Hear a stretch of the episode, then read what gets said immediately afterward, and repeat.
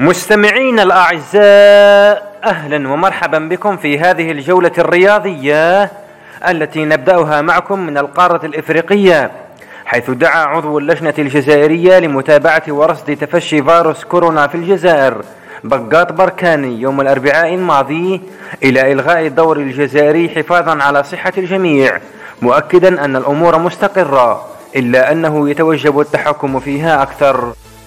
إلى منطقة الخليج العربي حيث أعلنت وزارة الرياضة السعودية يوم السبت الماضي عودة النشاط الرياضي للصالات والمراكز الرياضية ابتداء من أمس الأحد وذلك بعد تعليق النشاط الرياضي في المملكة العربية السعودية بمختلف الألعاب والبطولات والمسابقات. منذ الخامس عشر من شهر مارس الماضي بسبب تفشي فيروس كورونا. وفي القارة الأوروبية العجوز أعلن الاتحاد الأوروبي لكرة القدم يوم الأربعاء الماضي أن نسخة الموسم الحالي من دوري أبطال أوروبا ستستكمل ببطولة مصغرة من ثمانية أندية وستقام في العاصمة البرتغالية لشبونة شهر أغسطس المقبل. كما سيطبق الاتحاد الأوروبي نظاما مشابها في مسابقة الدوري الأوروبي في ملاعب ألمانية.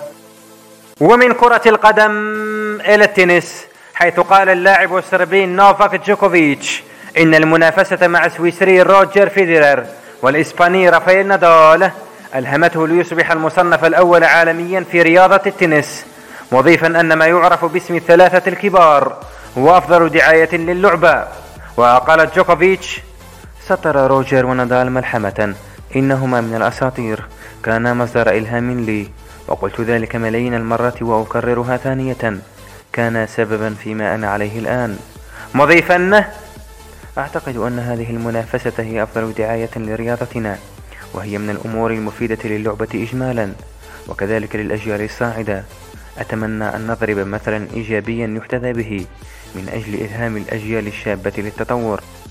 محطتنا التالية مع معشوقة الجماهير الأمريكية كرة السلة حيث كشفت رابطة دوري كرة السلة الأمريكي للمحترفين في مذكرة من أكثر من 100 صفحة تطرقت إليها وسائل إعلام أمريكية عدة عن كيفية استئناف الموسم في نهاية شهر يوليو المقبل في منشآت ديزني وورلد في مدينة أورلاندو بما يشمل بروتوكولات السلامة الصارمة المرتبطة بفيروس كورونا المستجد والترفيه المتاح للاعبين وإقامة المباريات بشكل يومي.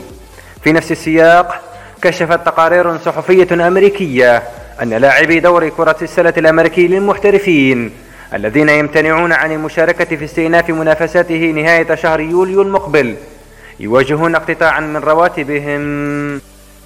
مستمعينا نختتم جولتنا الرياضية معكم بهذا الخبر حيث تعتقد شركة برينتكس المعروفة باسم Circle DNA المسؤولة عن إجراء فحوصات فيروس كورونا للاعبين والمسؤولين في الدوري الإنجليزي الممتاز.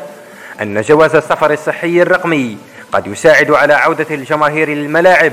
وقال أفيلا صاروف الرئيس التنفيذي للشركة في منطقة أوروبا والشرق الأوسط وإفريقيا لوكالة رويترز. أعتقد أن هذا الأمر سيغير بشكل كبير من مجريات الأمور فيما يتعلق بربط نتائج اختبارات كوفيد 19 بطريقة رقمية بناء على معايير بيولوجية وبعض الأشياء الأخرى.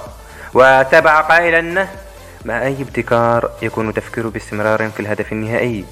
في عالم الرياضة سيكون الهدف عودة الجماهير إلى الملاعب. ويرتبط جواز السفر الصحي الرقمي بمنصة على الإنترنت تظهر نتائج فحوص فيروس كورونا وموقف الشخص عن طريق إجراء بسيط قبل الدخول إلى الملعب. إلى هنا تنتهي جولتنا الرياضية معكم. نشكركم مستمعين على حسن متابعتكم.